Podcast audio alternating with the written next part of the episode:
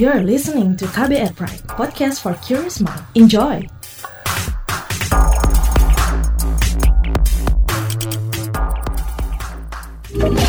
Kamu lagi dengerin What's Trending KBR Pagi.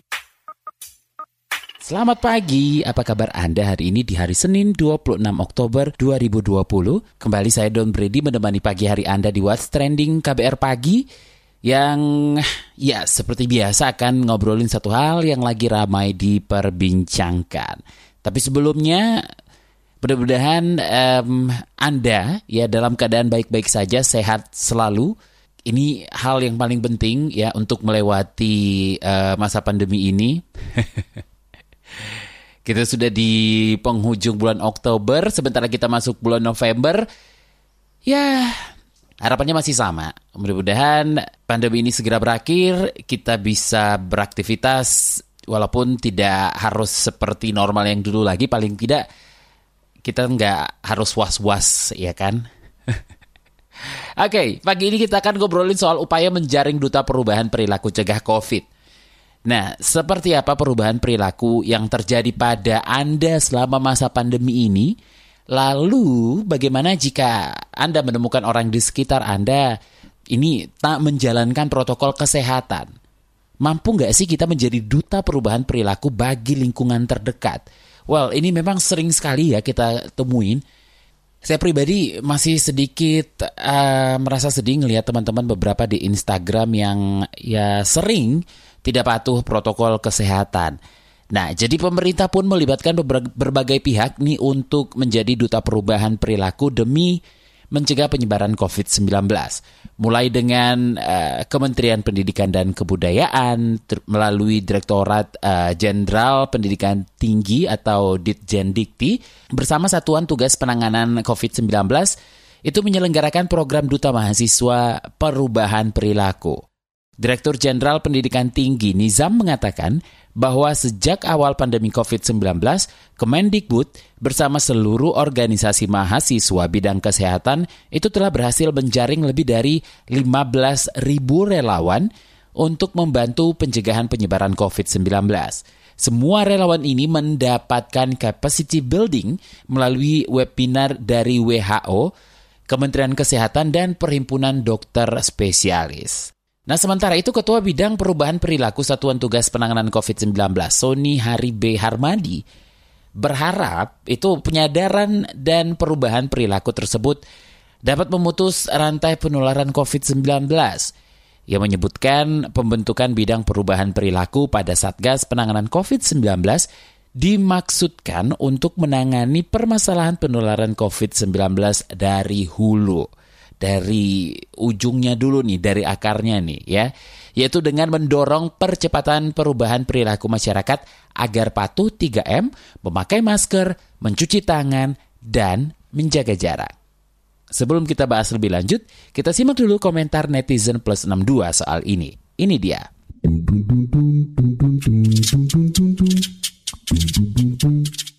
Pertama, akun etning kalilah bilang, yuk jadi duta masker agar kita sehat. Semoga pandemi COVID-19 segera berakhir. Amin. Akun @valihah bilang, duta COVID-19 Fighter 2020. Akun Ahmad Denikur 48 bilang, semoga akun official JKT48 jadi duta PMI dan duta COVID-19. Nah, akun Bawera Jabar bilang, santri jadi duta pendisiplinan memutus mata rantai COVID-19. Akun Corang Kayang bilang, serius nanya, duta imunitas corona sekarang lagi apa ya? Wak wak wak. Mungkin sibuk isi acara penyuluhan COVID-19 kali ya. Kalau akun Ed Arianti Dimar bilang, totalnya diperoleh 1125 mahasiswa yang akan mengemban amanat sebagai Duta Edukasi Perubahan Perilaku sesuai ketetapan Kemendikbud dan Satgas Penanganan COVID-19 yang didampingi oleh 90 dosen pendamping lapangan atau DPL dari 72 PTN atau PTS. Akun Ed Denny underscore Lois bilang, diharapkan mahasiswa yang jadi duta edukasi perubahan perilaku dapat mengubah pandangan masyarakat tentang COVID-19. Kalahkan pandemi. Akun @pernisg bilang, untuk menggali informasi lebih detail guna pelaksanaan program perubahan perilaku sebagai duta edukasi perubahan perilaku, mahasiswa tentu diharapkan memiliki pengetahuan yang cukup mumpuni untuk mengajak masyarakat mematuhi protokol kesehatan. Akun @aripan underscore Trisma bilang, ayo bersama-sama kita melindungi dari COVID-19. Sayangi orang-orang di sekitarmu dengan hashtag Duta Perubahan Perilaku.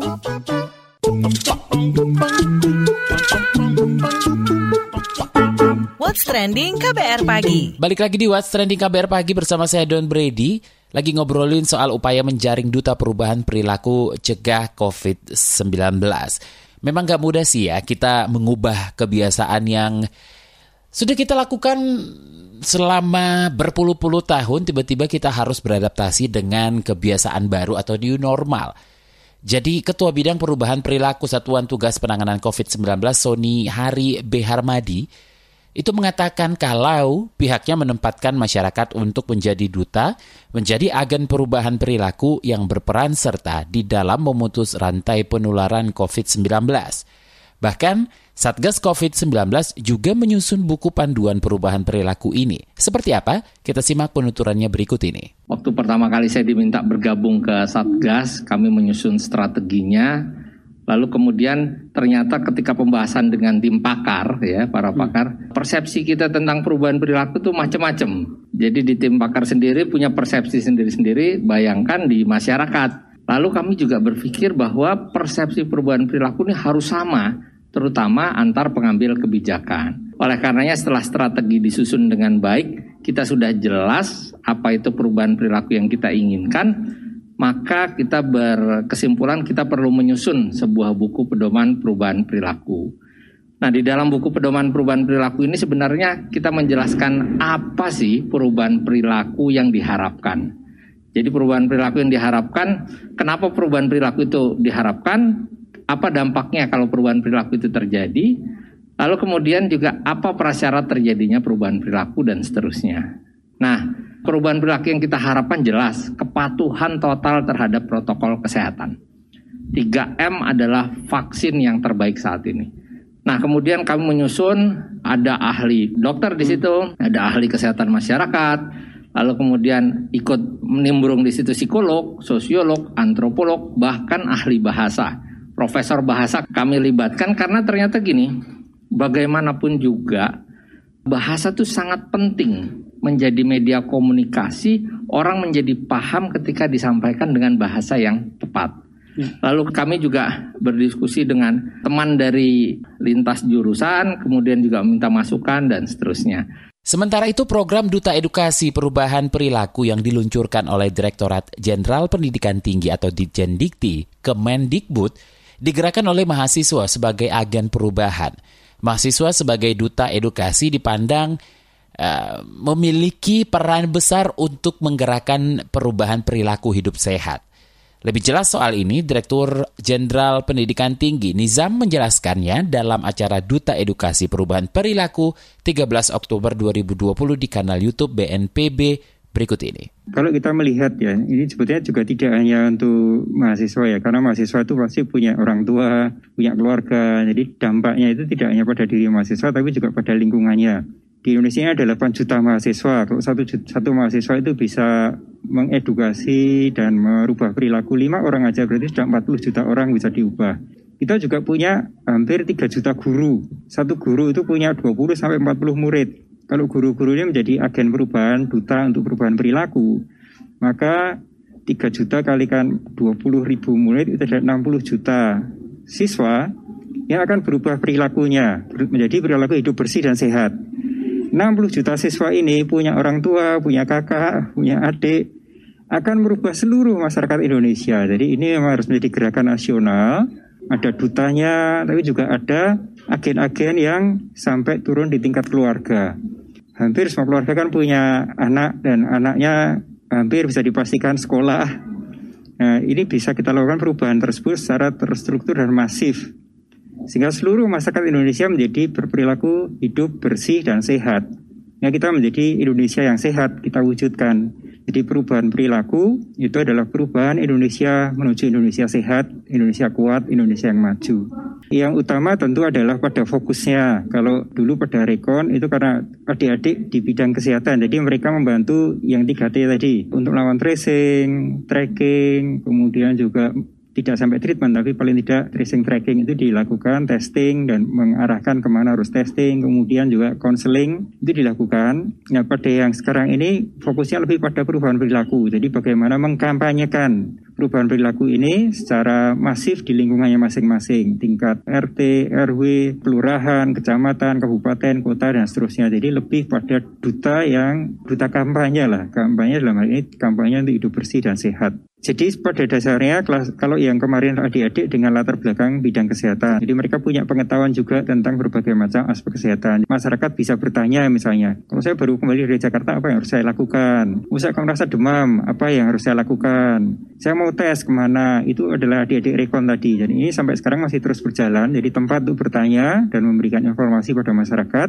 membantu teman-teman Kemenkes, teman-teman Satgas untuk melakukan tracing, tracking, konsultasi bagi masyarakat yang ingin tahu tentang bagaimana mencegah, bagaimana mengatasi dan seterusnya. Sementara yang duta ini lebih pada kampanye tadi. Program ini bisa kita titipkan dengan program-program yang rekon yang sudah berjalan, kemudian program kampus mengajar yang fokusnya pada membantu guru untuk melakukan pendidikan selama masa pembelajaran dari rumah. Semua bisa saling disinergikan antara satu program dengan program yang lain dengan tujuan satu, Indonesia sehat. Itu dia tadi Direktur Jenderal Pendidikan Tinggi Nizam dan sebelumnya ada Ketua Bidang Perubahan Perilaku Satuan Tugas Penanganan COVID-19, Sony Hari B. Harmadi. Kita akan lanjutkan What's Trending KBR Pagi. Jangan ke mana-mana. What's Trending KBR Pagi. Selamat pagi buat Anda yang baru saja mendengarkan What's Trending KBR Pagi. Masih bersama saya Don Brady. Selamat menjalankan aktivitas Anda pagi hari ini dan jangan lupa pakai masker kalau keluar dari rumah. Kita lanjutkan yuk ngobrol soal upaya menjaring duta perubahan perilaku cegah COVID. Kalau Gubernur Jawa Barat Ridwan Kamil itu masih melihat adanya masyarakat yang tak patuh terhadap protokol kesehatan di tengah pandemi COVID-19. Setuju sih soal ini ya. Karena itu pihaknya melakukan upaya-upaya untuk mengubah perilaku masyarakat. Seperti apa? Kita simak penjelasan Gubernur Jawa Barat Ridwan Kamil kepada KBR berikut ini. Jadi menghadapi COVID ini masyarakat itu ada tiga kelompok. Kelompok pertama masih yang tidak percaya, menganggap konspirasi bisnis kan gitu ya. Ada jaring di Bali dengan dinamikanya. Ini masih ada sampai hari ini orang-orang yang tidak percaya. Kemudian ada kelompok kedua yang percaya tapi tidak mau beradaptasi. Dia tahu ada COVID, tapi dia nggak pakai masker, nggak jaga jarak. Ini juga masih banyak. Nah, kita berharap masuk ke golongan level 3 level 3 itu sudah percaya dan beradaptasi. Nah, kita terus ini menggiring, berdebat untuk menggeser dari yang satu tidak percaya dan dua percaya tapi tidak adaptasi itu untuk masuk ke kelompok ketiga. Nah, kita sudah sangat agresif bikin konten ya. Ada pakai lagu, ada pakai video, puisi, pantun uh, di TV, radio, konten udah udah ratusan lah yang Provinsi Jawa Barat produksi selama 8 bulan. Nah sekarang udah tiga bulan kita lakukan survei, ya hasil surveinya ternyata mereka mendengar ke pemuka agama, mereka mendengar ke tokoh masyarakat, tapi mereka tidak terlalu percaya ke influencer digital ternyata, ya. Jadi buzzer-buzzer kurang dipercayai dalam konteks ini, entah kenapa. Nah akhirnya itulah kenapa kita sekarang menganggarkan anggaran untuk mengkomunikasikan disiplin sambil menunggu vaksin kepada para ulama, kepada para tokoh masyarakat, kepada para tokoh budaya untuk dalam WA-nya, HP-nya, Facebook-nya, ceramahnya, dakwahnya itu mengingatkan agar tadi disiplin sambil nunggu vaksin kira-kira begitu. Nah, yang berikutnya adalah penegakan hukum karena kita sudah ada dasar-dasarnya. Salah satunya adalah sudah lebih dari ratusan juta pendapatan dari denda masker, kemudian kita menghukum hotel, restoran, tempat wisata yang melanggar protokol, termasuk juga dipanggil ke polisi yang ada dulu ada acara sunatan gitu ya, tapi mengundang konser dan lain-lain. Ya termasuk pilkada juga. Nah pilkada ini memang hasilnya kurang menggembirakan. Para calon-calonnya ini memang kurang peduli ya secara statistik ya. Itu saya akan lakukan evaluasi untuk mengingatkan lagi eh, dampak dari pelanggaran protokol. Nah, pemerintah Provinsi Jawa Barat pun menyiapkan anggaran bagi tokoh agama dan masyarakat untuk mengkampanyekan disiplin protokol kesehatan untuk mencegah penularan virus COVID-19. Kembali kita simak penuturan Gubernur Jawa Barat Ridwan Kamil kepada KBR berikut ini. Memang COVID ini mengajarkan, uh, saya lihat ada lima ya, ada lima sampai enam pola hidup baru pasca COVID. Satu, orang lebih peduli, lebih atentif terhadap kesehatan pribadi ya. Cuci tangan sekarang kan bisa 12 kali, 15 kali kan. Saya lihat ke mana-mana orang berbekal hand sanitizer di tasnya, di celananya itu akan lama dan akan menjadi budaya baru di generasi baru. Kedua, pemakaian digital menjadi sebuah keharusan, bukan pilihan. Ini sisi baiknya lah ya.